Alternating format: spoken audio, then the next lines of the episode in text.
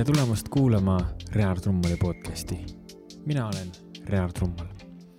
ja tänane osa on koos saatekülalisega ja minu saatekülaline täna on Jana Soolom.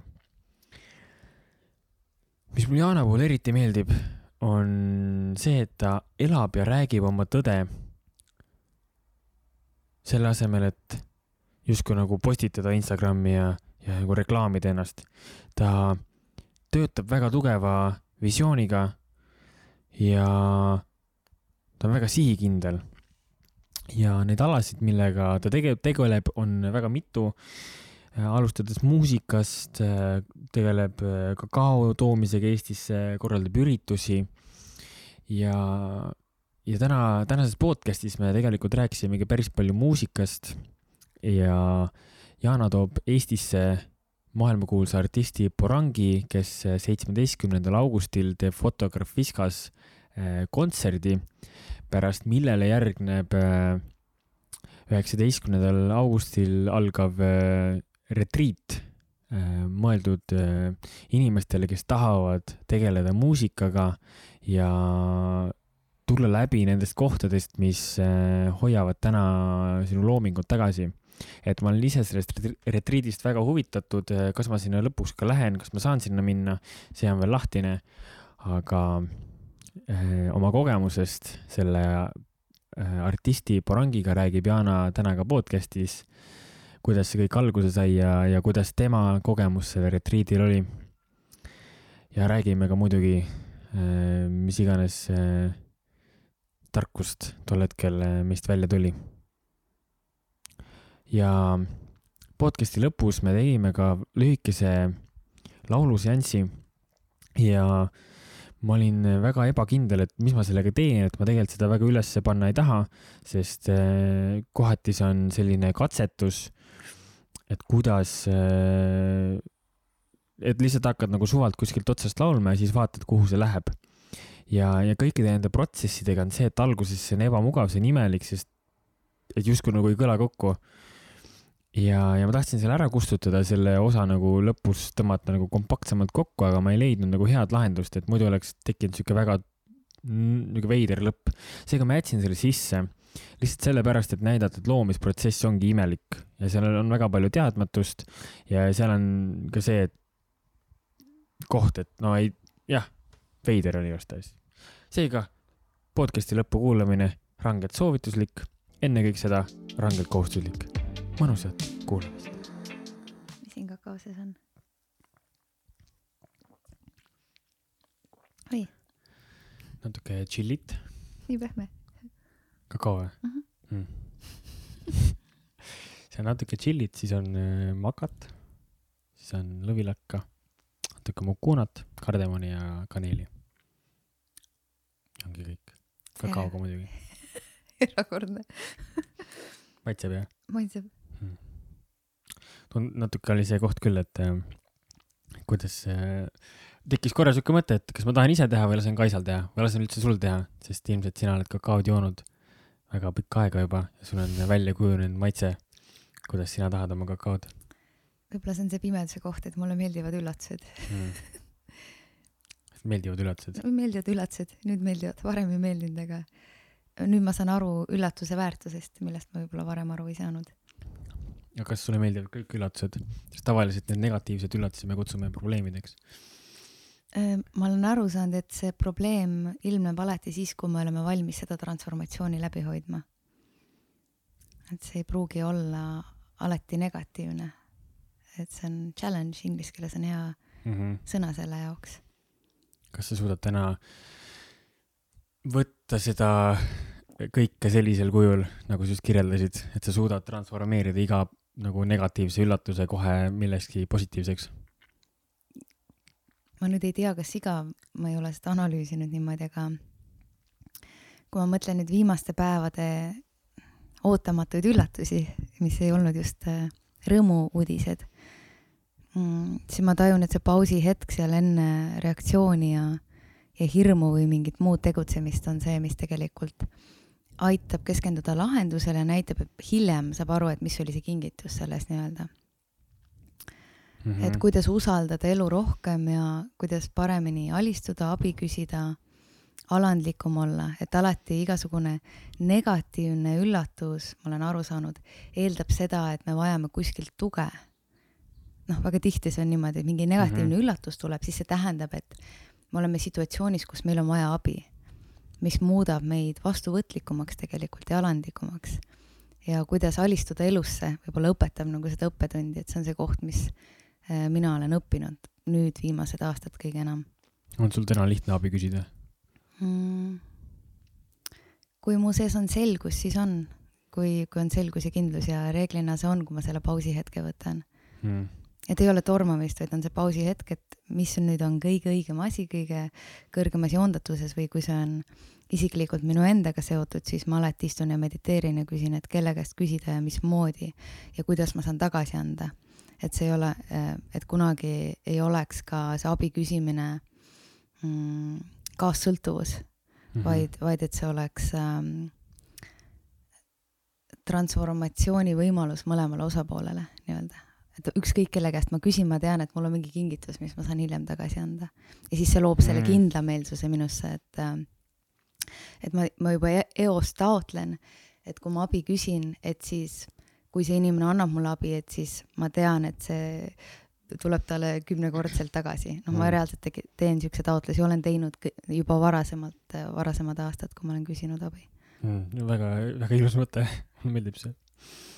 toob naeratuse sulle ähm,. tahan, tahan tegelikult nagu, et ma näen täna sind äh, väga edasi jõudnud selles maailmas äh, üleüldse ma vaatan su toimetamisi, siis sul on nagu väga tihe graafik. et sa tulid ka täna siia niimoodi, et sul oli kõik nagu umbes minuti pealt välja arvestatud ja siit edasi läheb ka niimoodi, et sul iga minut on arvel.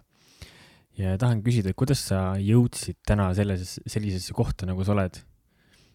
ja, ja võib-olla täpsustuseks ka, et ma näen täna sind kui kedagi, kes on aru saanud, mis on tema missioon mm..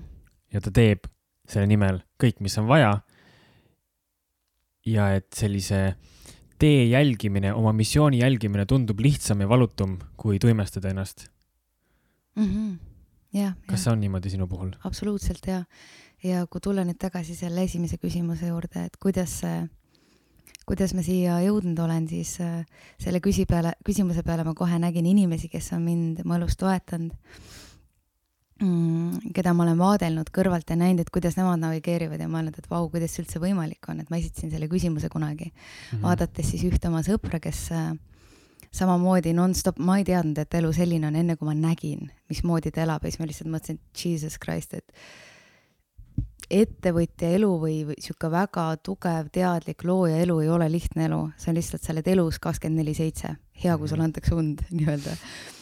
Ja, ja mingi tohutu kaastunne, mis minus tekkis, mõtlesin, vau, seda ma küll ei taha. aga samas tekkis ka see uudishimu, aga mis see tähendab, kui, kui oleks sihuke energia? Ja, ja, ja see transformatsioon, ma arvan, kõige suurem toimus mul siis, kui, kui mul katus ära sõitis nii-öelda, et kui ma tegin päris palju teraapiaid ja ja olin toetaja teraapiatel ja selle käigus siis kõik minu lapsepõlve traumad kuidagi tõusid mu kehast ülesse või siis mina laskusin tugevamalt oma kehasse, ähm, mis, ähm,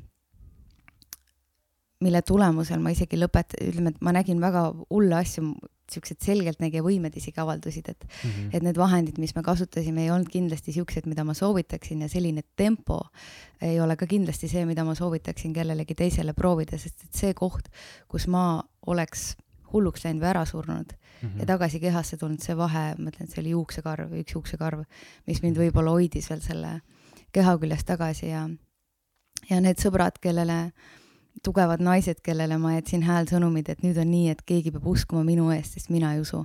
mina enam ei usu, et ma tagasi tulen.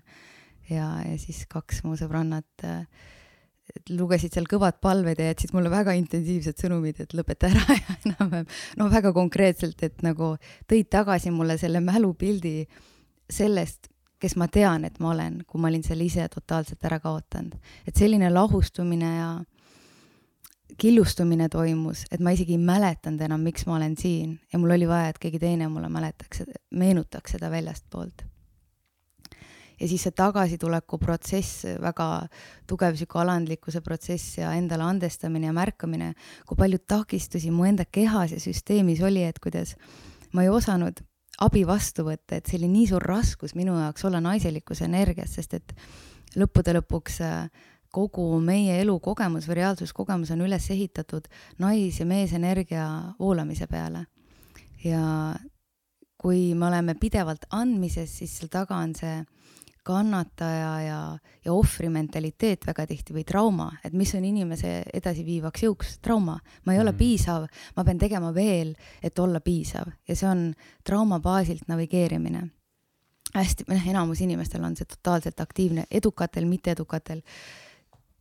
Ma lihtsalt näen seda nagu kõikjal, seda trauma pealt navigeerimist.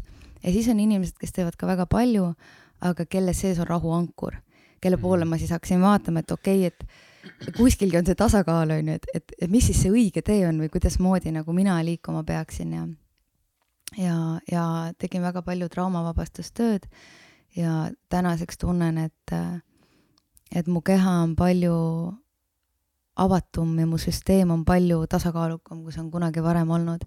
aga noh, ma pidin selle jaoks ka mingisuguse totaalse õudusunena aastaajase niisuguse väga tugeva transformatsiooni tripi läbima miks sa valisid seda nii kiiresti teha? ma ei valinudki, kuna ma olin, või noh, selles suhtes, et mina valin oma traumas sellel hetkel ja, ja toetasin siis äh, üle oma võimekuse toetasin siis ühte, ühte transpersonaalse psühholoogi mm, ähm, siis õppejõudu ja, ja arsti, kes siis tegi siukseid tugevamaid rännakuid inimestele. ja kui tuli see hetk, kui ma ütlesin, et ma tegelikult ei jõua, ma ei jõua rohkem, mul on vaja magada, ähm, ma ei kuulanud ennast, ma sõitsin oma kehast üle, kui oli vaja just nii-öelda medicine juurde võtta, ma mhm. küsisin, ütlesin, mul on tunne, mu keha ei kanna välja, et ma vist ei võiks võtta mm. -hmm. ja ta ütles selle peale, et äkki ikkagi võtad mm. -hmm. ja see oli see koht, kus ma hiljem sain aru, et nii valus õppetund, et üks asi, mida ma enam kunagi enda elus endale ei tee, on see, et ma ei usu kellegi teise arvamust üle enda, sest mm -hmm. keegi ei tea, mis on mulle vaja peale minu. ja see, mis mulle vaja on, ei pruugi teistele vaja olla. et see va vabadus selles, et igaüks võib valida seda, mis neile vaja on. Ja noh, tohutu õppetund on ju, et ma, kas ma valiks samamoodi, kindlasti mitte, kas ma olen tänulik selle kogemuse eest, väga, kas mul on hea meel, et see on läbi? Täiega. Et, et jah. meil kõigil on, on neid rännakuid, ma arvan, kus sa mõtled, et jumal tänatud, et see läbi on, aga sinu oma tundub nagu kõik suurem nendest. jah, no see ei lõppenud ära, see lõppes, lõppes hullumajas, et selles mm -hmm. suhtes, et ma läksin ise vabatahtlikult aastavahetuseks hullumajja et mitte oma sõpradele ja perele koormaks olla ja panna oma keha teadlikult magama. ma konkreetselt astusin sisse, ütlesin, palun mulle väga kangeid unerohtusid, sest mul on vaja oma keha magama panna. mul ei läinud nagu see DMT ruum kinni mm -hmm. ja kõik oli lahti, et see on täiesti eraldi, ma arvan, eraldi teema omaette, aga kindlasti väga paljusid puudust, puudutab see ja, ja ma kutsuks siinkohal kõiki kuulajaid ja noori väga tundlikult vaatama, mis ruumides me tseremooniaid teeme või mm, -hmm. või mingite energiatega töötame. tänaseks ma olen näinud, kõik see maailm on energia ja see, et me ei näe, ei tähenda, et ei ole olemas. see, et me tuult ei näe, ei tähenda, et tuult ei ole mm. -hmm. et äh, et siin on palju suuremad jõud mängus, kui me ise aru saame ja vahest, kui me arvame, et me teeme midagi head, me võime täiega tõmmata siukse energia endale ligi, et äh, noh, see võtab aastaid hiljem, et tulla mingisugusest imprindist siis välja nii-öelda. et hästi teadlikult häid õpetajaid valida endale ja teadlik, teadlikke ruumihoidjaid. väga nõus sellega, et vanasti sai väga kergekäeliselt valitud äh, mingeid psühhedeelseid aineid ja, ja isegi nagu mindud hoitud ruumi, kus justkui kõik on hoitud, aga ka seal suut-, suutis nagu midagi tekitada siukse tunde, et midagi on väga valesti ja ma pean ruumist lahkuma ja,. jah, jah et mul oli ka endal ühel, ühel tseremoonial oli kogemus, kus ruumihoidja ei adresseerinud tõde minu jaoks mm. -hmm. ja siis ma sain aru, et äh, ruumihoidja ei ole valmis selle tõe eest seisma, mis ruumis on. ma mm -hmm. pidin pärast seda ruumist lahkuma ja, ja ennast eraldama rännakust, mis oli päris ebameeldiv kogemus mm. -hmm. tahan küsida sult, et kes on täna Yana Soolom?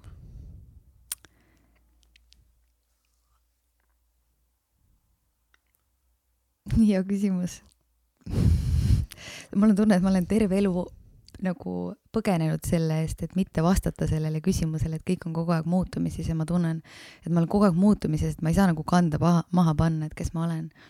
aga ma saan jagada, mille eest ma seisan või millised väärtushinnangud mul on, sest see, vaatamata sellele, kas mu elu või töövaldkond muutub või see, mis ma loon, muutub, need väärtushinnangud on alati ühed ja samad ja ankurdunud. ja võib-olla selle baasilt ma siis ähm, saaks öelda, et äh, Yana Solom on keegi, kes seisab selle eest, et inimesed oleksid hoitud, et oleks tervenemise ruum, et oleks püha ruum, et me, keegi, kes hoolib sellest, et äh, Eesti metsad püsiksid metsadena, mitte kõiki tõmmataks maha. mul on oluline, et inimesed oleksid valmis koostööle ja koosloomisele ja ma olen keegi, kes seisab rõõmu ja armastuse eest, võib-olla on see kõige õigem vastus ja kõik, mis selle vahel on, on see töö, nii-öelda töö iseendaga mm. -hmm. mis on täna sinu väljundid, kuidas sa viid seda missioon, visiooni ellu? tehes ähm, tseremoniaalse kakaoringe, hääle avamise ringe. Miks hääl on just sellepärast, et ma näen, et enamus naistel ja inimestel on trauma seksuaaltšakras ja hääl ja teine energia, teine energiakeskus on väga tugevalt omavahel seotud ja, ja see on ka mingi koht ähm, noh, praegu ma vaatan, vaatan, kuidas siis edasi, no vaatan sinna tantra poolele, olen mitu aastat juba sisse vaadanud. Äh, mitte, et ma oleks selle õpetaja, aga need kogemused ja info, mis ma olen saanud, on tohutult väärtuslik ja see on kindlasti midagi, kuhu võib-olla ma häälest liigun edasi.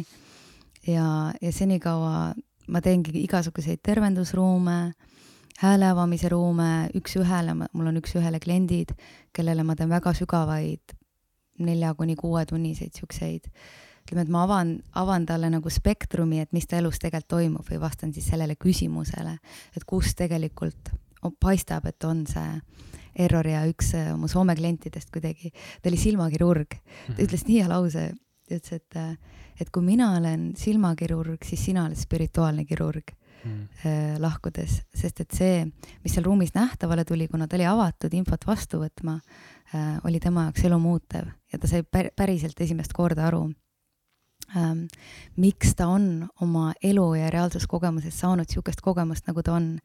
ehk siis äh, see oli võimalus tema jaoks astuda ohvri rollist välja äh, teadlikuks eluloojaks nii-öelda. ja, ja see kindlasti oli üks, üks mu elu, isiklikult ka üks mu elu võimsamaid äh, kogemusi kellegagi koos sellist ruumi kogeda ja talle seda ruumi hoida ja, ja, ja olla ise nii hoitud selles ruumis ja nähtud ja kas äh, nendes ruumides, mis sa lood, kui palju on sind seal ja palju on seda kanaliks olemist? no see on nagu Borangi ütleb, see on see koht, kus, mis ma Borangi käest olen õppinud või teda vaadates äh, ja oma sõpradest muusikuid vaadates, et äh, seal on see lause, mida Borangi ütleb, et step out of the way, Borangi, step out of the way, nii et ma ütlen iga kord endale, ma meenutan seda lauset ja ütlen endale, et Jana, astu eest astu tee pealt eest ära et ähm, igal asjal on oma aeg ja koht ja, ja kui on vaja hoida ruumi kellelegi teisele, siis on kõige panustavam olla lihtsalt siukses vabas voolus, kus enda plokke ei tule ette nii-öelda mm. -hmm.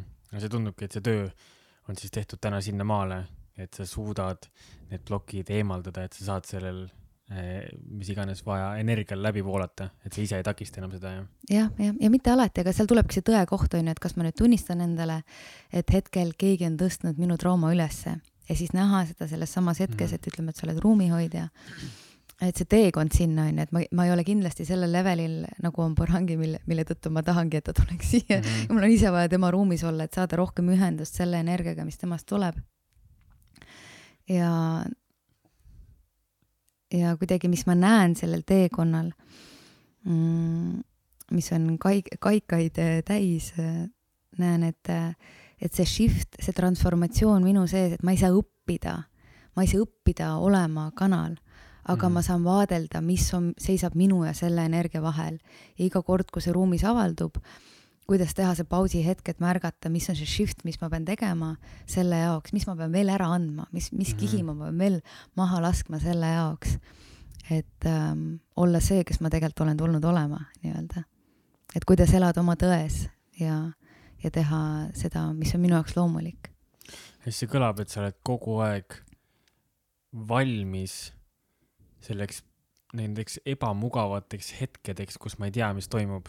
jah, see on täitsa naljakas ja see on minu jaoks nagu mäng ka ja siuke mm. challenge natuke et, äh, et kui ruum on avatud selleks ja valmis, siis on hullult lõbus mm. aga kui ruum ei ole selleks valmis, siis on täiega ebameeldiv, siis tekibki see koht, et okei okay,, kui inimesed ei ole valmis tõde nägema või kogema või nägema seda, mis siit praegu mm -hmm. nähtavale tuleb, siis ma pean lahkuma, nagu sa ise ütlesid, onju, et sul mhm. ei või ruumist lahkuda. sest kui seda ei võeta vastu, sul tekib nii suur vastasseis ruumis, et sul on tunne, et kui siin ei ole vastuvõtjat, siis pole mida, mida anda nii-öelda mm -hmm. ja siis ei jäägi muud üle kui ära kõndida ja ma mõtlen, et ma olen ennast pannud väga keerulistesse olukordadesse, et ma lähen äh, see nädalavahetus lähen esimest korda pulmaisaks.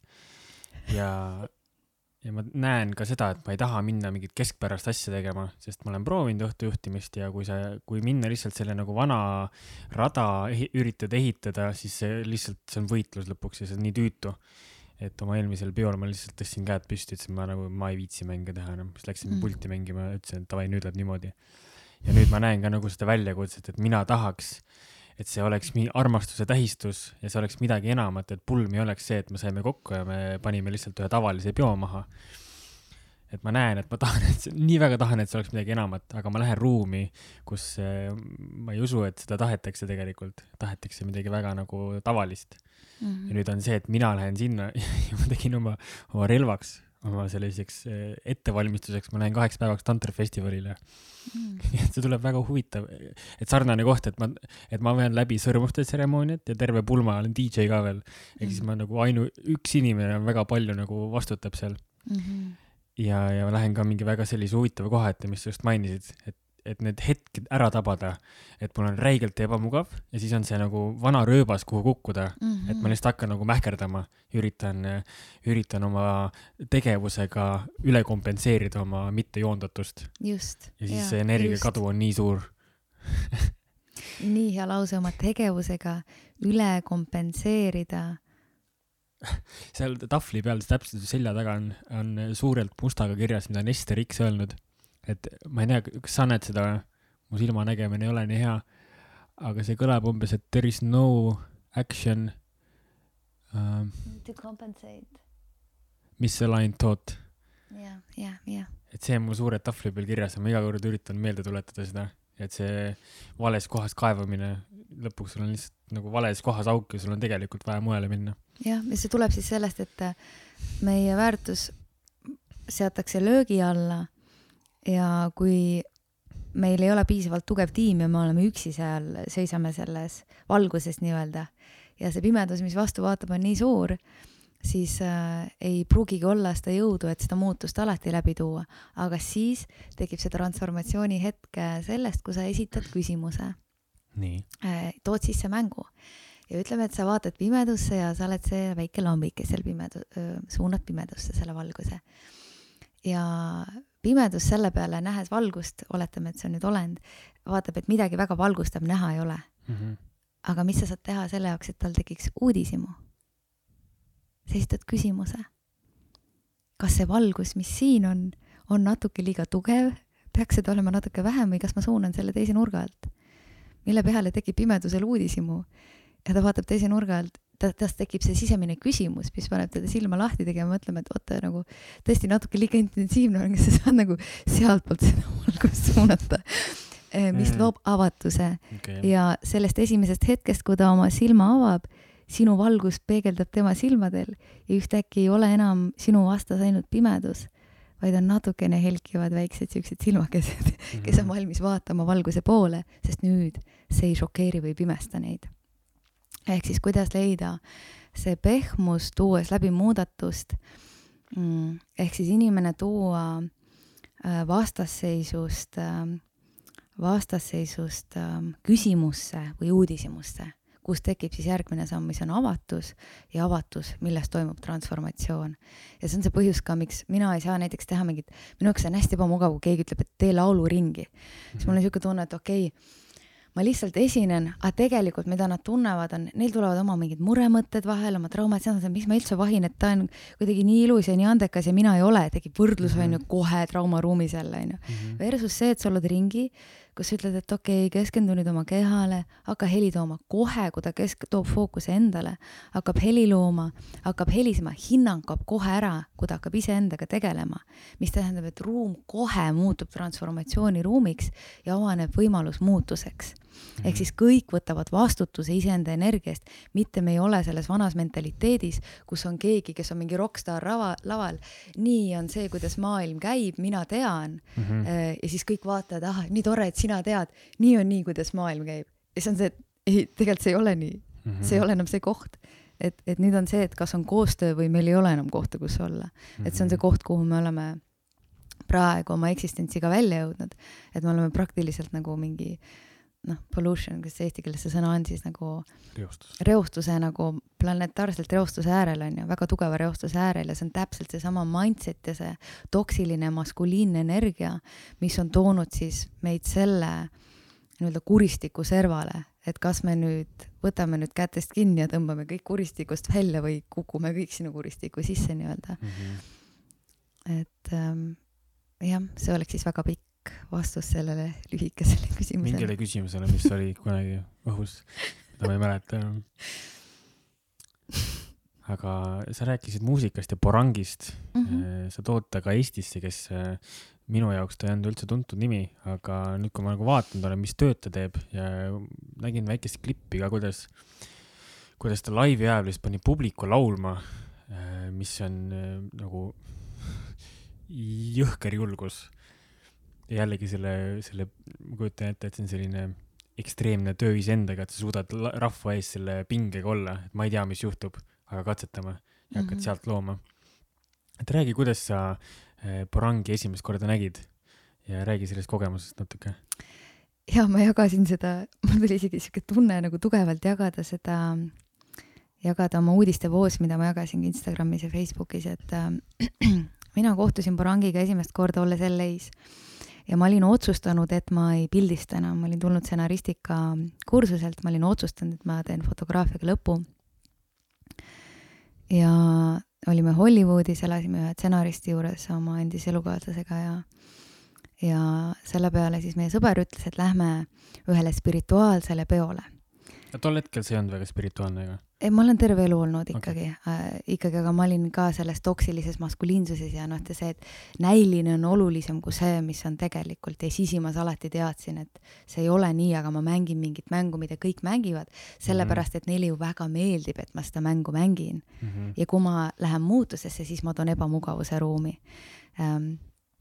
ja ühesõnaga Geoff siis kutsus meid äh, sinna peole ja me otsustasime minna, jõudsime peole kohale ja siis ma lihtsalt vaatasin, et väga huvitav, et kõik olid ultraspirituaalsed riides ja siis vibe oli siuke Hollywood glam ja kakao oli supervedel, supervedel, mitte üldse nagu hea, ma ei saanud aru, ma jõin, mõtlesin, mis asi see on nagu. siis mäletan, et kuidagi ei suutnud nagu midagi teha, istusin maha, vaatasime neid inimesi nagu väga ei viitsinud, ei olnud nagu huvitav, ei olnud, ütleme niimoodi, et ei olnud nagu, ruum ei olnud inspireeriv et oli nagu hinnang, hästi palju hinnangut, minu enda sees oli nii palju hinnangut ruumile, et ma lihtsalt vaatasin ja mõtlesin nagu, et ma nagu päris täpselt ei saa aru, sest ma tegelikult ei resoneeru ka lingi selle ruumiga. aga samas midagi on, miks ma olen siin. jäin istuma noh, mõtlesin, et okei okay,, võib-olla ongi vaja social network ida, onju, et on vaja kontakte, et on vaja jälle kellegagi tutvuda, jälle mingit asja teha ja noh, forsseerida jälle mingit asja nii-öelda. ja siis oli laval üks bänd jube lahedad artistid kõik, aga nagu siga ja kägu, kõik täiesti erinevates outfit ides, erinevad stiilid, üritasid seda bändi kokku mängida, aga see kõik oli lihtsalt nii halb ja siis nad vahetasid, et kes seal oli esilaulja. ja see kõik oli sihuke nagu nii mitte harmooniline, seal puudus koostöö, vaid oli see, et kes suudab rohkem silma paista, energia mm. -hmm ja, ja ma lihtsalt vaatasin seda ja naersin, nad panid mingi video veel projitseerisid seal ja siis ma lihtsalt vaatasin, mõtlesin, jesus christ, et me oleme Hollywoodis südames ja siin on nii halb kvaliteet. ja ma mõtlesin Eesti peale, mõtlesin, et vau, mis kvaliteet meil on Eestis. kui andekad režissöörid, kui hea visuaal meil oleks nagu sellel. see oli kõik, mida ma sellel ajal näha suutsin, ma lihtsalt, siin on nagu nii palju parem tee ja hakkasin hindama seda, mis meil on Eestis, seda kvaliteeti. ja ja siis, kui ma olin hinnangu ära andnud sellele olukorrale, mis seal toimus, siis oli see tantrapaar, siin istus meie, meie ees, kohe pöörasid ümber, hakkasid siuksed nagu mitte, et tantri, no ütleme nii, et tantril ja tantral on väga suur vahe, on siis äh, inimesi, kes on lapse energias, kes mängivad energiatega, millest nad päris lõpuni aru ei saa ja kes on väga uudishimulikud ja tahavad igale poole nina toppida nii-öelda ja siis on inimesed, kes äh, õpetavad, kuidas siis olla tugevamalt looja oma kehas ja kuidas olla siis selle loovjõu äh, väga tugev äh, hoidja nii-öelda ja siis kuidas seda eetiliselt edasi anda. et see on see koht, kus ma näen, kus tantril ja tantril on väga suur vahe, ma olen näinud mõlemat polaarsust. ja, ja siis seal on see õhkõrn piir ka veel, mis on eriti huvitav skeene, mis seal vahel on aga see paar hakkas meiega suhtlema, siis ma kuidagi vaatasin, et vau nagu ma juba näen ette nagu, mis see küsimus siin küsimuse taga on ja nagu vapšee nagu kuidagi, et väga tore, siis teed seda small talk'i ja siis vaatad otsa, mõtled, et noh ma ei tea, kuhu me selle vestlusega jõuame, aga noh, oleme siis siin praegu. ja, ja siis astus lavale järgmine artist, kelleks oli Borangi. ja ta astus lavale koos Ashley'ga ja sellel ajal nad ei olnud väga tuntud ja ta nagu kasvult lühike mees, onju. noh, vaata, mingid hinnangud, alati on ruumis hinnangud siis ta Mhm. kuidagi nagu astus sinna lavale, ma vaatasin, et väga huvitav väike kamera, et väga huvitav, väga huvitav, väga huvitav, noh, väga huvitav, ma ei hakka mingit sõnu panema. ja siis ta võttis mikrofoni ja ta ei hakanud esinema, vaid ta hakkas rahvaga suhtlema, ühendust otsima. ütles welcome everybody to the belly of the beast. ja sellel hetkel, kui ta ütles seda, ma lihtsalt, ma nagu, ta äratas mind üles ja ma olin siuke, et ma kuulen sind, nii, mis sa räägid sest noh, skeene oli seal lihtsalt nii pinnapealne, et see oligi siuke tunne, nagu me oleks nagu põrgu katla lävele jõudnud, kus näiliselt on kõik väga ilus, aga seesmiselt on tühi, nii tühi, lihtsalt Mhm. totaalne tühjus ja inimesed on eksinud näilisesse illusiooni ja hing ei ole kohal nii-öelda. ja siis see hing, mis temast sinna ruumi tuli, kuidas ta võttis, avas, tal oli jumala suva, et see oli mingi skeene, kes ei olnud valmis selleks energiaks.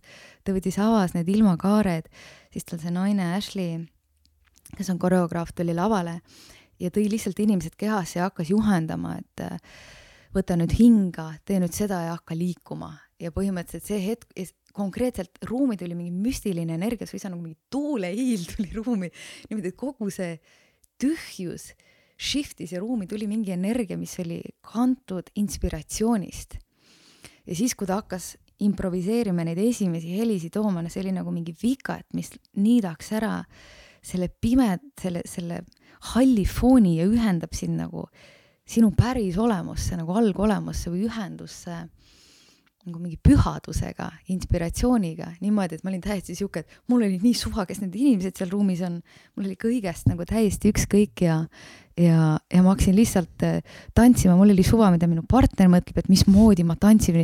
mul oli see, et okei okay,, keegi lu- reaalselt aitab mu keha lahti lugustada traumast siin praegu. et see ei ole see, et see ei ole ekstaatiline tants, kus ma tulen ja tantsin jälle mingis rütmis, vaid konkreetselt keegi juhendab mind, kuidas ma saan kasutada heli kui oma kõige võimsamat kehatervendajat.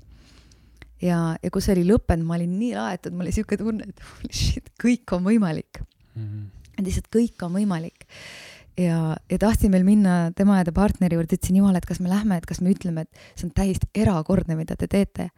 aga minu sees oli tollel ajal see tüüpiline eestlane, et äh, ah, pole mõtet öelda, neil ei ole vaja seda infot ja mis ma üldse lähen ja kes ma olen, siis ta vaatab mind ja noh, üldse, mis mõte, noh, ma isegi ei tea, miks ma siin olen, vaata. nagu see koht, see tühjuse koht minus endas, mis ei lubanud mul isegi nagu li approach, noh, ligineda talle nii-öelda aga hiljem me hakkasime kohtuma siis erinevates kohtades, kus ta küsis, et kas me oleme näinud varem ja siis ma olin siuke, et jah, oleme küll tegelikult. aga noh, ma ei, ei julgenud nagu approach ida. ei julgenud ligineda ähm, talle, sest minu enda väärtusetus ei lubanud mul sellel hetkel isegi teda kiita või tema väärtust nähtavale tuua, et mingi sihuke koht oli ka mis aasta see oli? kaks tuhat seitseteist, ehk siis see oli kuus aastat tänaseks tagasi. sa tõid selle koha nähtavale, tahan veel küsida sellest teemast, aga kuus aastat tagasi sa nägid seda kohta, et sulle anti nagu juhatus, aga sa ei läinud seda tegema. sulle anti nagu juhatus, et mine ütle talle, mine tee ennast tuttavaks. jah, ja siis tol hetkel sa tundsid seda nagu traumat oma kehas, mis ütles, et sa ei ole seda väärt. kui nüüd täna, kuus aastat hiljem, kuidas sa võrdleksid ennast selle kohaga, et kui, kui kaugele sa oled sellest kohast tulnud, et kas sa täna julged seda, seda impulssi jälgida nagu sada protsenti? Äh, ütleme niimoodi, et ma enam, ma ei forsseeri ennast, ma läbisin mingid erinevad punktid äh, sellel teekonnal, nüüd ma olen sellises kohas, kus ma ei forsseeri mitte midagi, kui midagi tuleb loomulikult, siis ma teen mm. seda. Okay.. ja oluline õppepunkt, mis seal veel oli, et see loomata ühendus jättis minusse mingisuguse laengu mm, -hmm. mille pealt tegelikult sündis kogu minu Infinite Playground, Borangi muusikast sündis kogu minu Infinite Playground ähm, mm -hmm. näitus kõik need fotod ja see ühendas mu tagasi sinna fotograafiasse mm. ja download'is kõik selle visuaali, mis ma hiljem nägin, et hakkab peale tulema, mis mul oli kuidagi nagu läbi tema muusika juba varem kõik tulnud, onju.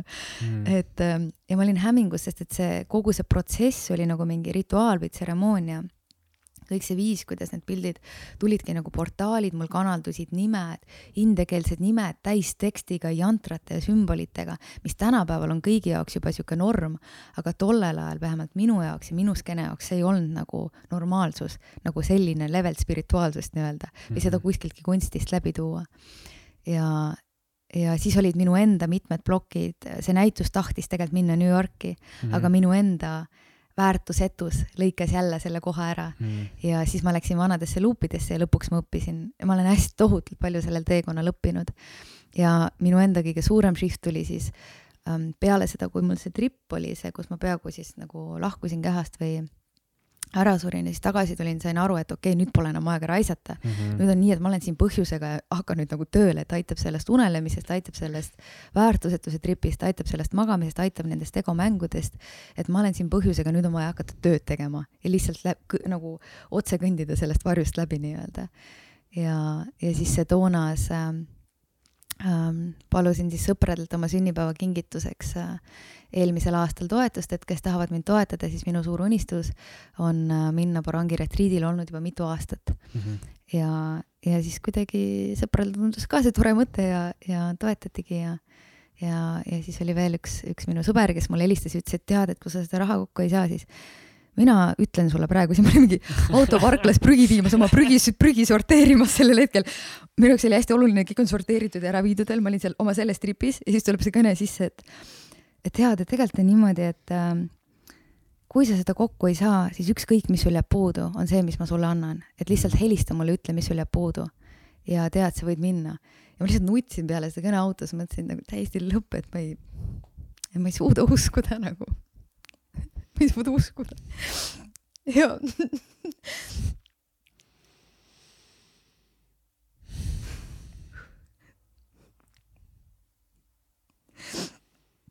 see on teekond siiamaani uskuda, et sa oled toetatud oma teekonnal. ja et meil on sõbrad, kui me julgeme ise öelda. et meil on sõbrad, kui me julgeme ise öelda, et meil on midagi, millest me unistame hmm.. ja nad on meie selja taga ja toetavad. ja ma nutsin väga pikalt terve see teekond, sest ma juba teadsin ette, mis see tähendab mu jaoks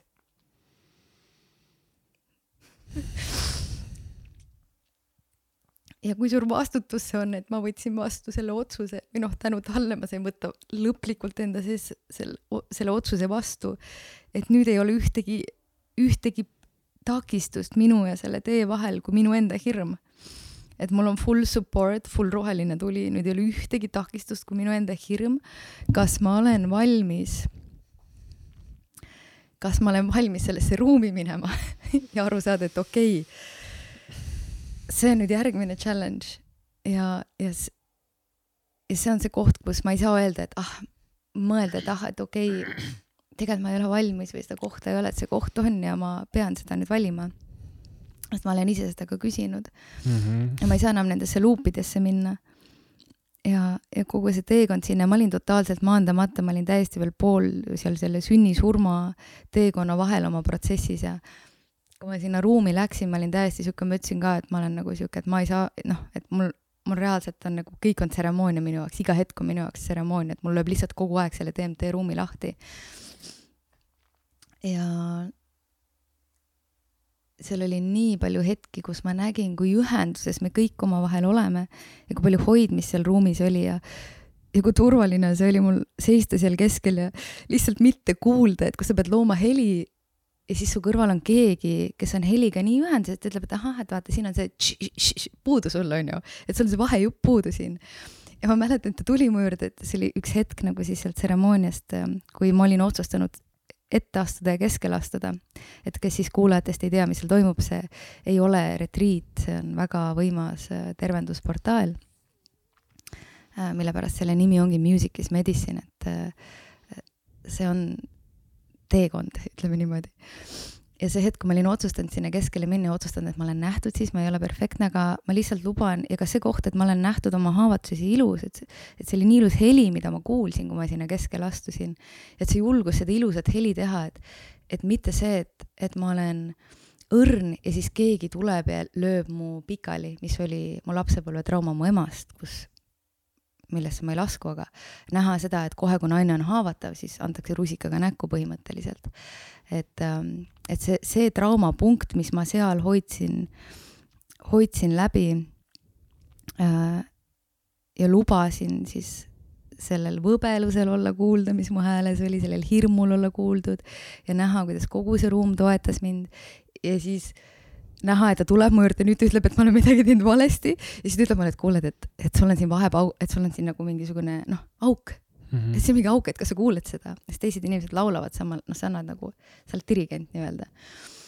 ja, ja siis see hetk, kuidas ta ütles ja siis, kui ta seisis mu kõrval, siis ma kuulsin seda, ma olin siuke, et ahah, ma kuulen, ta läks ära ma olin siuke, et kadunud ja ma jälle ei kuule, ma ei kuule seda mm -hmm. vaheosa siis ma pidin ütlema uuesti, et kas sa saad palun tagasi tulla, et ma ei kuule jälle. ja siis ta tuli tagasi, siis ta oli pikemalt nagu käis mu ümberringi, kuniks kuidagi läbi tema energia see ankurdus minusse ära, see vahejupp.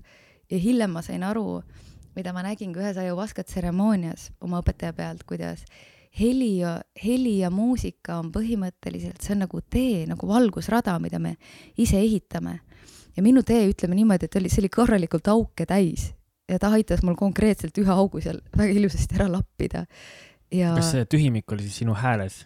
Äh, see oli minu hääles ja minu sees mm, -hmm. mul ei olnud enda, minu süsteemis ei olnud ühendust selle kohaga mm. -hmm. ja läbi tema kuidagimoodi see, see ühendus, ühendus sai loodud mm. -hmm. ja ma tõesti nägin, et et võib-olla mu elus äh, meessoost esindajad või nagu venna, venna arhetüüpi, siis sellel hetkel ta oli venna arhetüübis kes äh, ei ründa mind, vaid kes toetab mind, kes on täiega sada protsenti minuga, et ma saaksin oma väe üles leida, mitte ta ei tunne ennast ohustatud äh, minu ma ei tea, jõust või ilust või et, et see ei ole midagi, mida võtta või midagi, mida lõhkuda, vaid et ta lihtsalt seisab täies nagu maskuliinsuses ja feminiinsuses samal ajal, täies pehmuses ja täies tugevuses hoides mulle ruumi siis minu tõusmiseks nii-öelda. ja seda vähesed inimesed on masterdanud, meisterdanud siis sellise terviklikkuse, nagu temas on ja mida tema suudab läbi tuua. ja ma tean, et ka tema on oma Dark Night of the Soul'i läbinud, äh, mida ma kuulsin Ashley kaudu mida ma nägin. siis mõtlesin, et vau, okei okay,, et, et see on see, mis me näeme inimesi või kui me näeme seda fassaadi, meile tundub, et aa, et tal on nii hästi või ta on kuidagi väga kergelt sinna jõudnud mm. -hmm. sa jõuad täpselt nii kaugele, kui palju pimedust sa ära transformeerid. et, ähm, et äh, kuidagi aru saada, et inimesed, kes on kuskilgi ja kui kellelegi tundub, et ah, tal on ju nii lihtne, siis see tunne ja info tuleneb tegelikult infopuudusest. sellest, et me tegelikult ei tea, mida on see inimene pidanud läbima selle jaoks, et olla kuskilgi ja reeglina, kui see info tuleb, siis tuleb ruumi kaastunne, mõistmine, samastumine, arusaamine, et aa ah,, okei okay,, kui tal on see võimalik, on mul ka või et mis kohal minu sees on see tervendus võimalik. see kaastunne vist, ma mõtlesin selle peale, kui sa rääkisid, et see kaastunne saab tulla ainult siis, kui me julgeme näidata seda kohta, mis meis endis, meis endis poolik veel või nagu justkui tervena, tervendamata. et kui sa julged seda võbelust nagu tuua siis see on kordades lihtsam inimestel sellega ruumis olla, kui see, kui sa üritad seda varjata mm. -hmm. sealt tekib see piinlikkus, kui ma üritan keegi olla. et see on, tulin sinna ruumi kaasa ja see tundub nii ebameeldiv kogemus see on kõi, maailma kõige ilusam kogemus ja, ja see kogemus, kui suur rõõm tekib teiste üle, kui sa näed, et kõik kardavad ja mm, -hmm. ja meil olid seal ruumis nagu noh, tõesti nagu ka maailma tuntud inimesed ja, ja ka see aasta Eestisse tulevad inimesed üle maailma, see retriit ei ole ainult eestlastele. meil tuleb Sedoonast keegi, meil tuleb Ameerikast keegi, meil tuleb Rootsist keegi, erinevatest riikidest erinevad inimesed. ja, ja minu jaoks oli see hästi inspireeriv näha, kuidas üks hästi suur sihuke ta on šamaanist äh, vend, ma kutsun teda, kes läbis ka analoogse tripi nagu mina mm, -hmm. et mhm. sellel tseremoonial me saimegi kuidagi ühenduse, ma sain aru, et okei okay,, et sa, sa oled ka läbinud selle koha, et ma saan aru, et see on võimalik ka mulle, et, et sa tulid välja sellest, et sa ei läinud hulluks, et ilmselt ma ka ei lähe, sest ma olin poolel teel tervenemise ja hulluks minemise tee nagu äh, lävepakul nii-öelda ja kuna tema oli läbi tulnud, siis ma nägin, et okei okay,, sa kirjeldad seda, mida ma kogesin, järelikult ma saan uskuda, et see on võimalik, et ma tulen ka läbi. ja siis näha, et kui tema pidi astuma keskele ja tooma, temas oli samamoodi see hirm, sest see oli nii ilus kogemine, siuke, et oh vau, kõik kardavad, nii tore, et okei okay,, nüüd see ei ole enam midagi häbiväärset, see ei ole häbiväärne karta, see ei ole häbiväärne, et ma ei tea. see ei ole häbiväärne nutta või olla nähtud või nagu meil astusid inimesed keskele, kes ei, ei oska, ei ole lauljad, ei oska laulda, onju. astus keskele ja siis lihtsalt tundis, mis tunne see on. aga mis tunne see on, kui sa oled toetatud ka nii, et mitte midagi ei ole ja siis sa lihtsalt ütled, et midagi ei tule läbi ja ka see on okei okay., see on vastu mm. võetud, kuniks tuleb.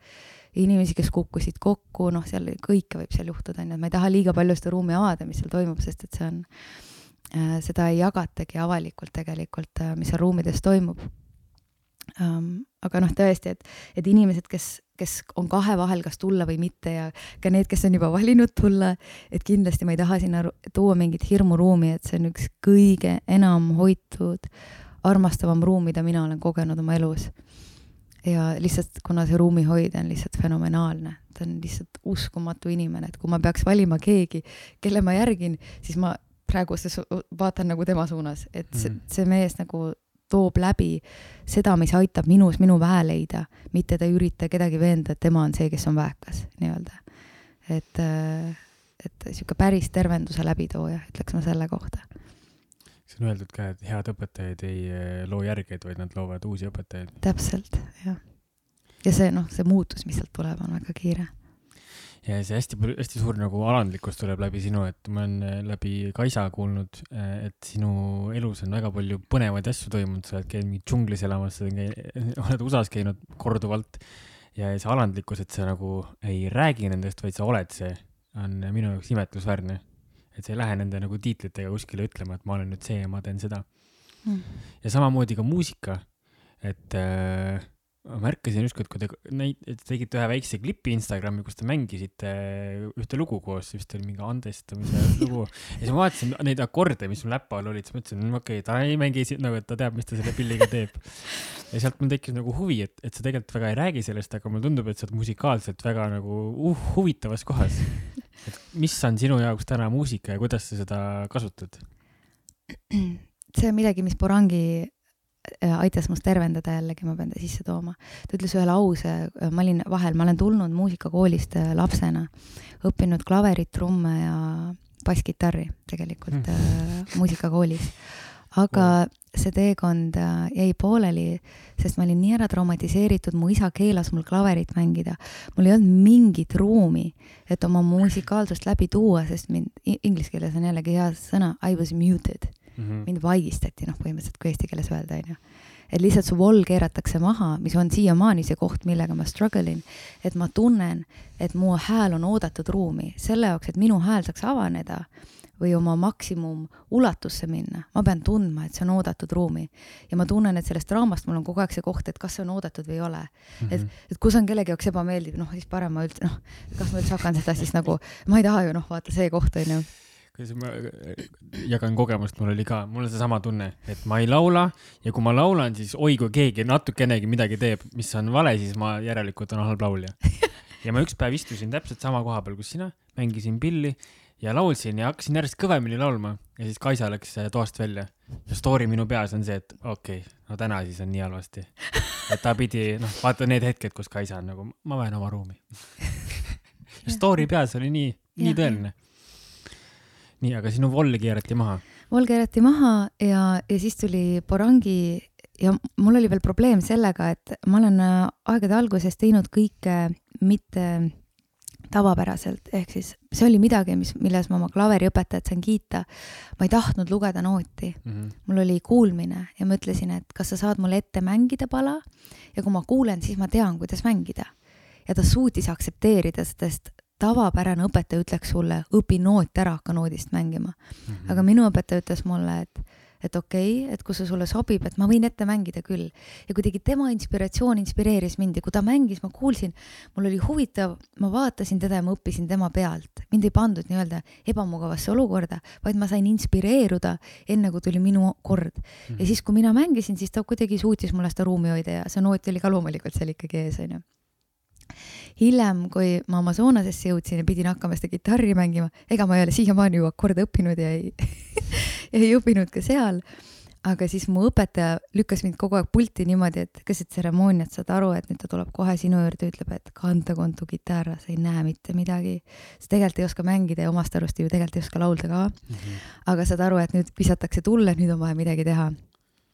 ja ta tuleb, seisab mu ette, mul on nii paha, mul on tunne, et ma kohe hakkan oksendama kuskilt otsast ei ole, ainult hirm on ruumis, et mida siis nüüd teha. ja kuidagi ta oli nii pehme ja armastav alati ja ma sain aru, et see on okei okay ka, et kui ma fail in, et see on tegelikult vajalik inimestele näha mm.. et mul on julgus võtta kitarr ja totaalselt läbi kukkuda mm., et see on turvaline ja et ma ise saan kogeda ka seda, et siis on täna nii ja olla läbi kukkunud ja kõik kogesid, et see on täiesti normaalne, see on osa elust. ja kuidagi iga kord, kui ma olin selle nagu selle koha ära teinud, võtnud kätte, üritad hakata, üritad seda kontakti saada selle ruumiga. et ma saan olla inspireerunud, et ma mehaaniliselt ei mängi midagi, vaid et kuidagi, et, et see, mis tahab tulla, tuleb siis see ayahuasca õpetaski mind, et ma pean vahelt ära astuma. Mm. ja see on konkreetselt kogemuse siis tseremoonia ruumis, kuidas ma võtsin kitarri kätte, hakkasin lihtsalt hingama, tõmbasin esimesi keeli, hakkasin ise kuulama, et mis asi see heli üldse siis on. Mm.. ja siis, kuidas näpud ise mängisid mingi loo ja siis ma sain aru, et aa okei okay,, see inspireerib mu häält. Ja siis, kui mingisugune heli tuli, siis ma mõtlesin, okei okay,, siia ma võin peale laulda küll, et mis sõnad siis tulevad. Laulsin mingid sõnad peale ja lõpuks sellest tuli jumala ilus laul, niimoodi, et ma olin ise ka, et aa, vau, täitsa ilus. ja siis ma sain aru, et vau, et total paradigm shift nii-öelda, totaalne mm, ettekujutluse muutus, et ma ei peagi õppima, vaid ma pean lubama mm. -hmm. ja ühendus nagu selle kohaga, et kuidas siis muusika läbi tuleb ja hiljem nüüd olen aru saanud, et, et see on siis see faasi koht, kus me saame ühenduse inspiratsiooniga ja sellest järgmine etapp on struktuur. et nüüd on ikkagi vaja tehniliselt õppida, et mm -hmm. mingid korrad on vaja ikkagi seda, et kui baas on all, siis on kergem selle peal lennata nii-öelda, et mhm. ainult lennata ei saa. ehk siis kogu see teekond on väga õpetlik olnud ja siin ei ole õiget ega vale, igaühe jaoks on oma tee ja lihtsalt tuleb tulla lubamise ruumi ja kindlasti mm, muusikud, kes on hästi tehniliselt õppinud või ma olen märganud lauljate puhul, keda hästi tehniliselt õpetatakse. Nad ei laula, nad ei oska kõiki energiakeskuseid kasutada laulmiseks mm, -hmm. nad mhm. laulavad mehaaniliselt kuidagi nagu sa tead, ja seal on nii palju valu kehas kinni, et kui nad laulavad, see on nagu forsseeritud, see on mm -hmm. tugev, aga see on nii forsseeritud, see on nagu ka siuke nagu toksiline maskuliinsus on väga hea sõna selle kohta. see on väga ilus, aga astud ruumi, kuuled seda heli, on siuke tunne, et vau wow, nagu siit ma tahan välja astuda. ja see näitab seda, et ruumis on laulja, kes mehaaniliselt laulab, ta ei ole, tema hääles ja helis ei eksisteeri tervendust mm, -hmm. sest ta pole ise seda tervendust endas läbi toonud. ehk siis äh, sellel teekonnal ma olen aru saanud, noh, kogu see nii-öelda Borangi ja minu muusikateekond, mis kõik need aastad on õpetanud mulle, on see, et helihääl on kõige tugevam tervendusriist. Äh, see on Eestis olnud aegade algusest regilaul naiste kõige võimsam oma väe leidmise äh, tööriist ja see on see koht, kus me laseme hinnangu maha, kus me ühendame oma energiakeskust tegelikult läbi hääle. hääl eeldab seda, et me oleme igast otsast ühendatud nii-öelda mm. -hmm. ja, ja siis see jõud, et kui teised tulevad taha, siis tekib see koosloome jõud sinna taha, on ju, nii nagu Regi laul vanasti käis, kuidas seda lauldi et me toetame teineteist, et isegi siis, kui on raske, me toetame teineteist läbi ja, ja siis see heli kannab nagu ja siis see tervendus tuleb ja siis me tunneme, et me oleme hoitud, läbi tunde tuleb tervendus. et ähm, minu jah, kontseptsioon muusikast on totaalselt muutunud, et see ei ole enam see, mis see kunagi oli õpitu pealt, ma olen alati küsinud ja kahelnud, sest ma olen sisimas teadnud, et see mida näiline ilm näitab jälle, ei ole see, mis minu sisemus ütleb, mis on õige, aga kuidas see tõde siis üles leida ja kuidas seda esindada, on ju. et see ongi see teekond olnud ja, ja see põhjus, miks ma Borangit haibitan, haibin, on see, et ta oli esimene inimene mu elus mm., kelle käest ma sain siukse loengu, et ma olin siuke, et jess, ma olen terve elu seda, seda ma olengi terve elu oodanud mm -hmm.. noh, selle kogemuse sain mina temaga ja see ei pruugi kõigil olla niimoodi, et see ongi, et see sõltub, kus sa oled oma transformatsiooni redelil nii-öelda või sellel teekonnal. ja, ja vahest mingisugune inimene tuleb meie ruumi ja siis võib-olla üheksa aastat me transition, noh, toimub transition, üleminek siis ühest faasist teise nii-öelda kuniks me oleme valmis enda sees mingi koha vastu võtma, et kõigi jaoks, et kes kuulab, on ju, mõtleb, et ma ei tea, et lähen kuulan Borongit, ah, mulle ei meeldigi see muusika, on ju. Mhm. noh, ongi see koht, et see kas tõstab liiga palju üles või ei ole resonantsi veel või see ei ole valmis, inimese keha on ju heliline instrument, kõik on vesi. Ainult resonantsi baasil on ju, kõik reso-, kas resoneerub või ei resoneeru mm. -hmm. ja, ja resonants tuleb tegelikult siis trauma baasilt, kas on flow või ei ole. milline on sinu flow level et, et kui on trauma kehas, siis seda ei saa tekkida. kui on väga suur trauma, siis puudub vastuvõtlikkus nii suurele tervendusele, et see on see, mis võib juhtuda. ja võib olla ka inimene, kes on totaalselt traumeeritud, aga kellel on see valmisolek ja valmidus.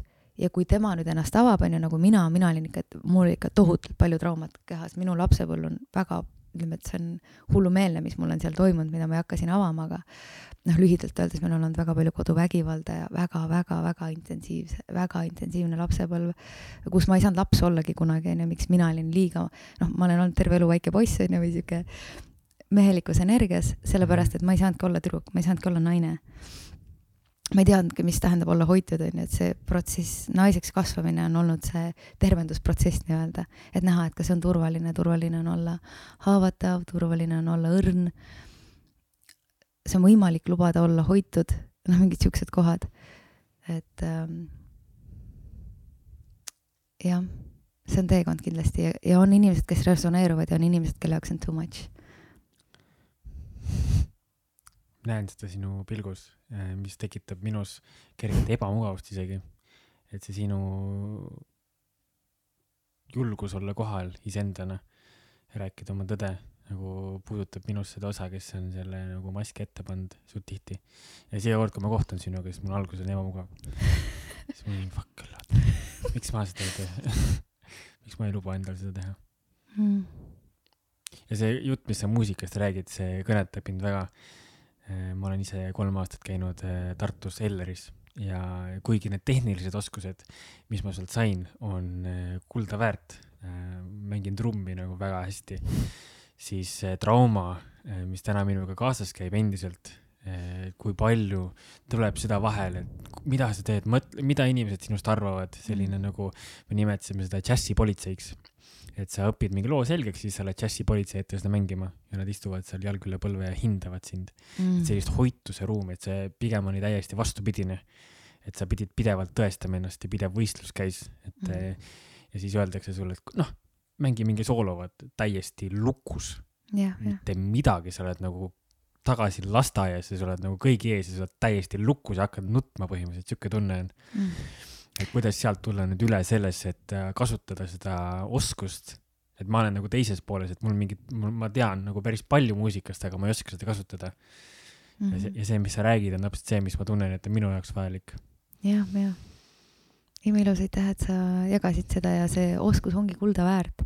et see tehniline oskus, siis kui sa saad ühenduse oma inspiratsiooniga ja oma helidega, siis äh, nagu Barangi ütles, me jõuame tagasi sinna Barangini, et äh, selle jaoks, et olla looja instrument, äh, pead sa olema hääles hmm. ja see häälestus on see tehniline teadmine nii-öelda tehniline mm -hmm. teadmine on häälestus.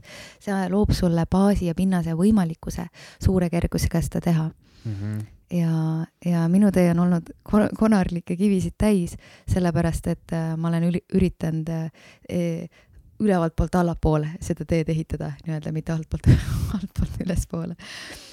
et mis, mis sa sellega täpselt mõtled äh,? et äh, ma olen üritanud nagu siis äh, helilises mõttes äh, ilma ilma, ütleme, et seda struktuuri, et see, mul ei olnud rütmi ei olnud paigas, keegi tuli, andis mulle rütmi kät-, kätte nii-öelda mm.. ütleme, et meloodia on, aga trummilöök on valel kohal mm.. noh, saad aru, mis ma okay. mõtlen? Jah, jah, jah, et ma tean küll, aga viisi, kuidas minna seda teed ei ole ja, ja Barangi ruumist ma sain selle rütmi kätte ja siis ühes ringis, kus ma pidin äh, kakao ja hääle ringi tegema ja mul oli tugev tunne teha trummiring ja, ja see oligi trummiring, aga ma alustasin la-, kuidagi mingi hetk ma alustasin lauluga ja siis üks Soome ähm, helitervendaja kuulis, et ma ei ole rütmis ja mhm. võttis mm. selle, noh, mis, selle instrumendi nimi on, see, hakkas mulle seda. kalapulki või? ei, see Äh, see kaks pulgak, äh, see, mis,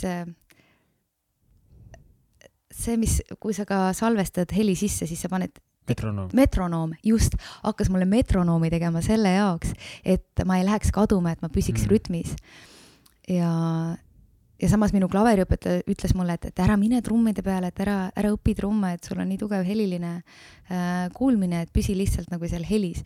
hiljem ma sain aru, et okei okay,, et ja siis, kui Mikko mulle selle rütmi sinna alla lõi, siis ma sain aru, et aa, et okei okay, ma saan aru ja ta oli natuke pahane, ta kutsus mind korrale nii-öelda sellega, et ma sain aru, et ta kutsus mind korrale. ma võtsin selle vastu, ma sain aru, et okei okay, mm, -hmm. sa tead rohkem kui mina ja ma tunnen, et sa hoiad selle ära. aitäh, et sa toetad mind mm. -hmm. ja ta, läbi tema ma tundsin ka suurt toetust, aitäh. ja kuidagi tema toetas mind, mina suutsin selle vastu võtta ja minu sees ka see takt läks paika kuidagi mm -hmm. sellest hetkest. ja ma olin inimeste ees, meil oli suur ring kui, mhm. kui see kõik juhtus. aga ta ei häbivääristanud mind sellel hetkel, vaid ta tuli mulle appi, nii-öelda ta toetas mind sellel hetkel, sai aru, et okei okay,, sul on siin rütmist natuke puudu, paneme selle alla ja samas ma olen hästi palju saanud seda eh, teistsugust peegelpilti, et kui ma olen olukorras, kus ma pean hoidma läbi rohkem kui mu kandevõime, siis inimene, inimesed, kes on eh, toetaja rollis ähm,, hakkavad näpuga näitama ja siis tekib mhm. see koht, et noh, fuck, see ei ole Mm -hmm. et nagu, kui sa oled samas kohas, sa tea, võid kindel olla, et ma olen su selja taga ja ma laulan, ma trummitakti, et mis on vaja selle jaoks, et, et hoida see ruum läbi, et see on see küsimus minu jaoks on alati, mis on kõrgema hüvanguks, mis on vaja ja kuidas toetada seda, et tervendus tuleks läbi. ja, ja need on need, ütleme, et mingid sõjahaavad ka, mis ma olen saanud ja õnnistused, mis ma olen saanud, aga see teekond ongi olnud sihuke õpetusi täis. ja, ja see koht, kus äh, kui ütleme, et äh, tuleb inimene, kes annab, aitab sul luua tugevama ühenduse usaldusega, džäss nüüd muusikana.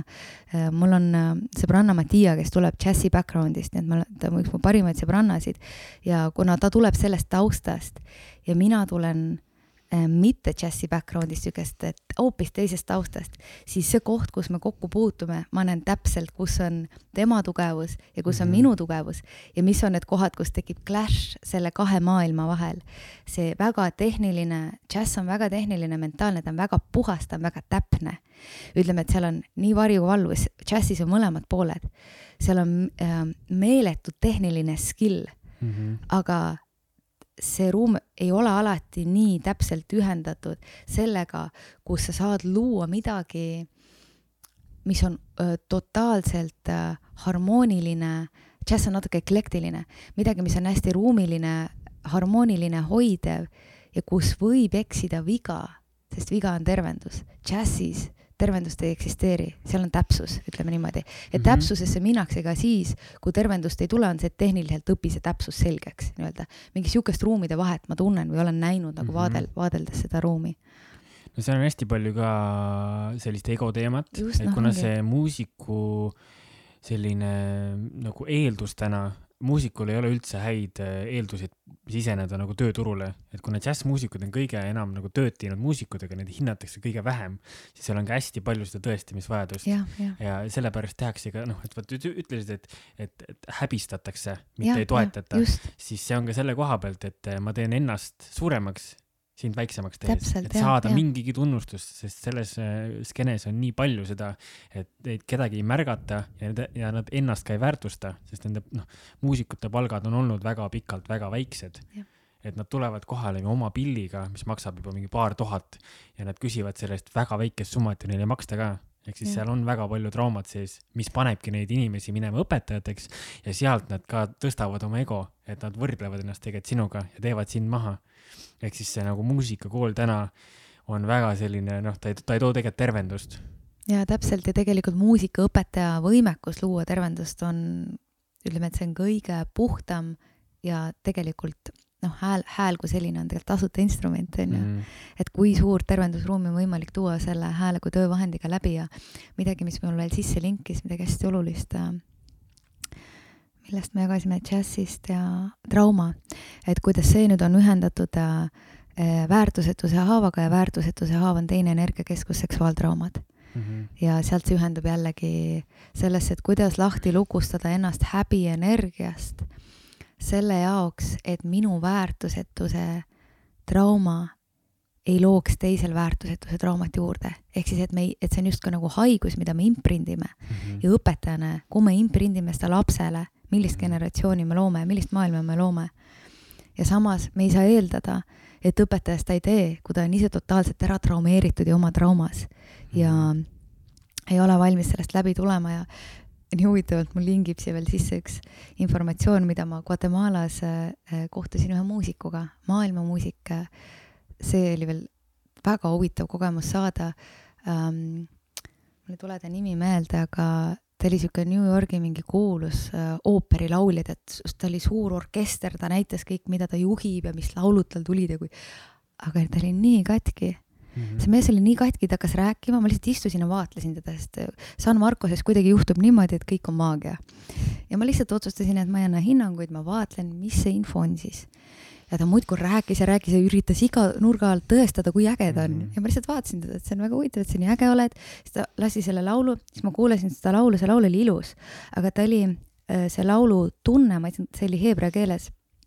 ma ei saanud aru sõnadest ähm,, aga ma sain aru tundest ja see tunne seal helis oli igatsus naise järgi mm. -hmm. oli see heli äh,, mida ta kandis endas. ja samal ajal, kui ma kuulasin, ma kuulsin harmooniat ja ma hakkasin kaasa laulma. ja, ja ma laulsin tema ees seda harmooniat kaasa, sest see tuli hästi suure, tal ei olnud plokki, ta ei teadnud, et mul on plokk äh, laulmisega. kui inimene ei tea, siis mul on hästi suur kergus, sest siis ei ole seda, ütleme, et info ei bloki seda ära, onju. ja siis ma lihtsalt harmoniseerisin talle ka, ütlesin, et vau, nii ilus, vaata, et siit tuleb nii ilus harmoonia, ta vaatas mind, vau, et sa laulad. mul oli siuke, et ei, et noh, et siit tuleb lihtsalt see heli tuleb, noh, et see heli on nagu sünkroonis nagu harmoonias sellega, mis sobiks siia, et, et ma kuulen, et sulle sobiks siia naishääl mm.. et kas sa oled kaalunud ähm, naisega koos laulda? ta vaatab mulle otsa, ütleb ei, me oleme äh,, ma ei tea, mis see, mis see siis, kuidas seda nimetatakse New Yorgis elavad ka kuidas seda inimgruppi nimetatakse, kus noh, ütle nüüd see sõna, mul ei tule meelde. natuke liiga vähe infot ähm,. ju need äh, Amishid või? Äh, jah, Amish, äh, põhimõtteliselt äh, sellest kogukonnast keelatud on naistel laulda mm.. ja et, et, et see on lubamatu, istub mu ees Guatemalas mees New Yorgist, kes on siis Iisraeli kust iganes juurtega ja ütleb mulle et tal ei ole lubatud naisega kool lau-, koos laulda, see on lubamatu.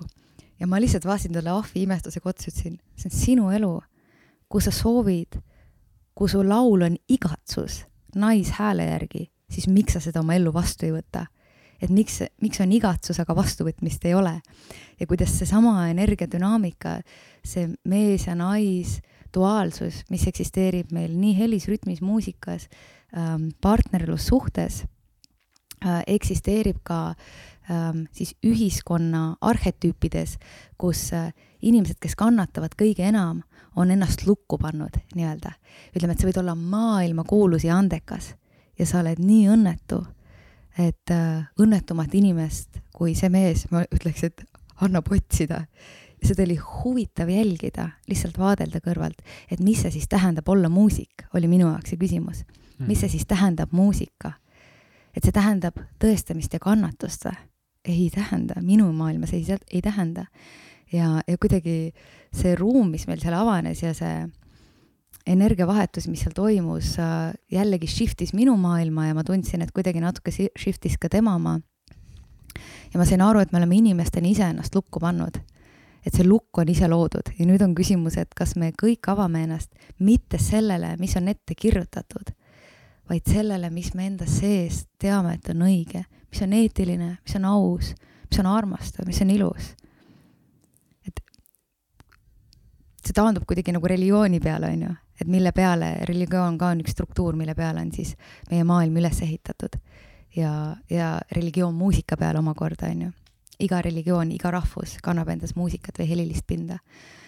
et ähm, kuidas see harmoonia nendesse süsteemidesse tuua, on olnud minu küsimus ja ja ütleme, et see porangiruum on minus avanud, ma ütlen, sellised uksed, sellised reaalsuskogemused, kus ma kogen neid inimesi ja vaatlen neid ruume ja, ja minu sisse ankurdub aina tugevamalt see selgus, mida ma tean, mida mina tahan ja mida mina tõeks pean mm. -hmm. ja mina pean tõeks seda, et äh, õnnelikuks teeb ausus, armastus harmoonia, minu jaoks teeb super õnnelikuks koos helisemine või see, kui ma kuulen, et keegi avab mingi heli või hääle või mingi heli tuleb ruumi, mis on totaalses harmoonias, aga mida ma ei kuulnudki. see on nagu mingi käsi, mis tuleb kuskiltki ruumi sisse ja ühendab äh, kogu selle heliruumi mingisuguseks imeliseks kristalliliseks võrgustikuks.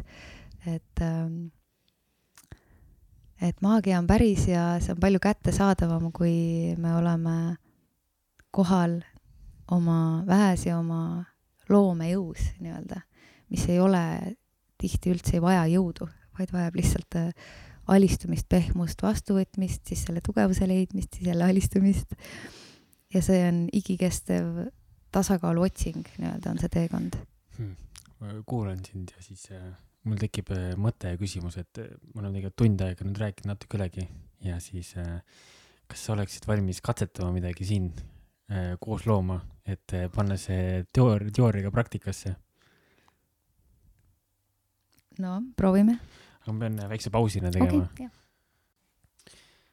okei okay., ja siia lõppu, et mitte jääda ainult äh, teoreetikuteks, siis äh, paneme kohe katsetusse selle, millest me täna rääkisime, et äh, avada enda häält, avada enda loomet ja, ja olla ka okei okay sellega, et siit ei tule mitte midagi et see tuleb üks eh, teos, mis läheb otse olmeprügisse, mis on siin maja taga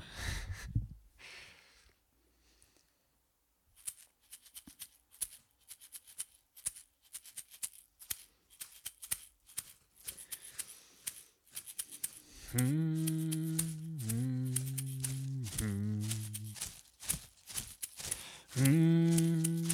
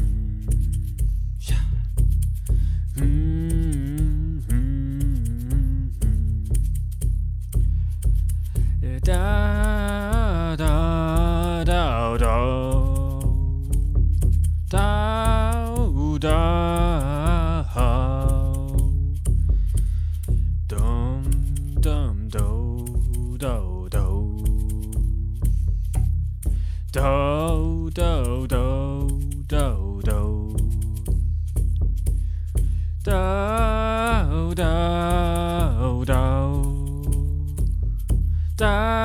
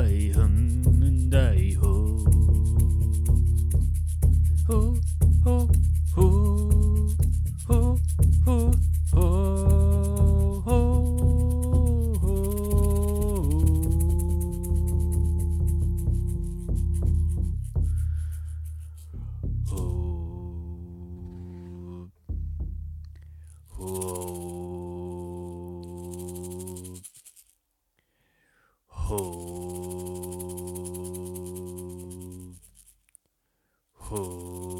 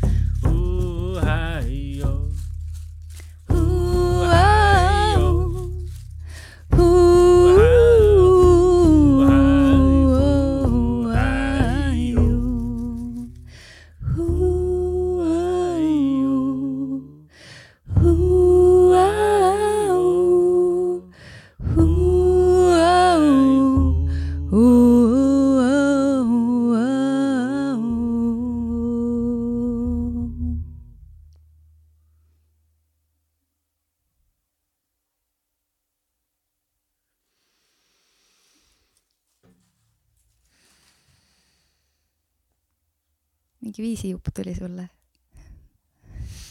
see oli täitsa huvitav, natuke keldilik, väga põnev.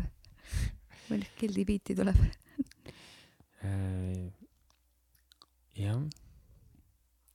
märkan, et, et see kõrvaltastumise tee ei ole üldse nii lihtne või aga, aga siin ruumis see oli äh, natuke lihtsam kui tavaliselt.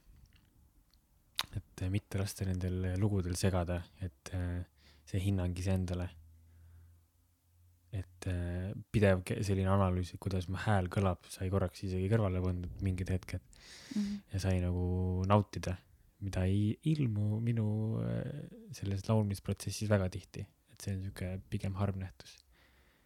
ja tundsin, et seda on siin ruumis äh, mõned grammid, mõned sajad grammid kergem kogeda. kas teeme korra seda lugu veel? Seesama lugu, võtame seda natuke, lihtsalt äh, sinu jaoks salvestame seda natukene edasi ja mul tuli see info, miks ma sulle trummi andsin, ma vaatasin, me alustasime alguses vastupidi. kuna sul on tugevam trumm, siis alusta trummiga, ma toon selle heli ja nagu Bobby McFerrin või Barangi teevad, et äh, ma annan sulle mingi jupi kätte nüüd sellest samast laulust, mis sinu Mhm. heli oli see oli sinu laul, mis läbi tuli. um,. ja vaatame, kas seda annab kuskil ehitada veel, et äh, me saame liikuda niimoodi, et äh, sa hoiad põhja, siis ma toon heli, ma annan sulle heli üle, sa hoiad seda heli ja siis vaatame, kas tuleb teine heli, kas on kuulda okay.. võtame, et nagu sihuke struktuur tekib, vaatame, kas seda saab lihtsalt hoida. nii, väike testkatsetus. hingama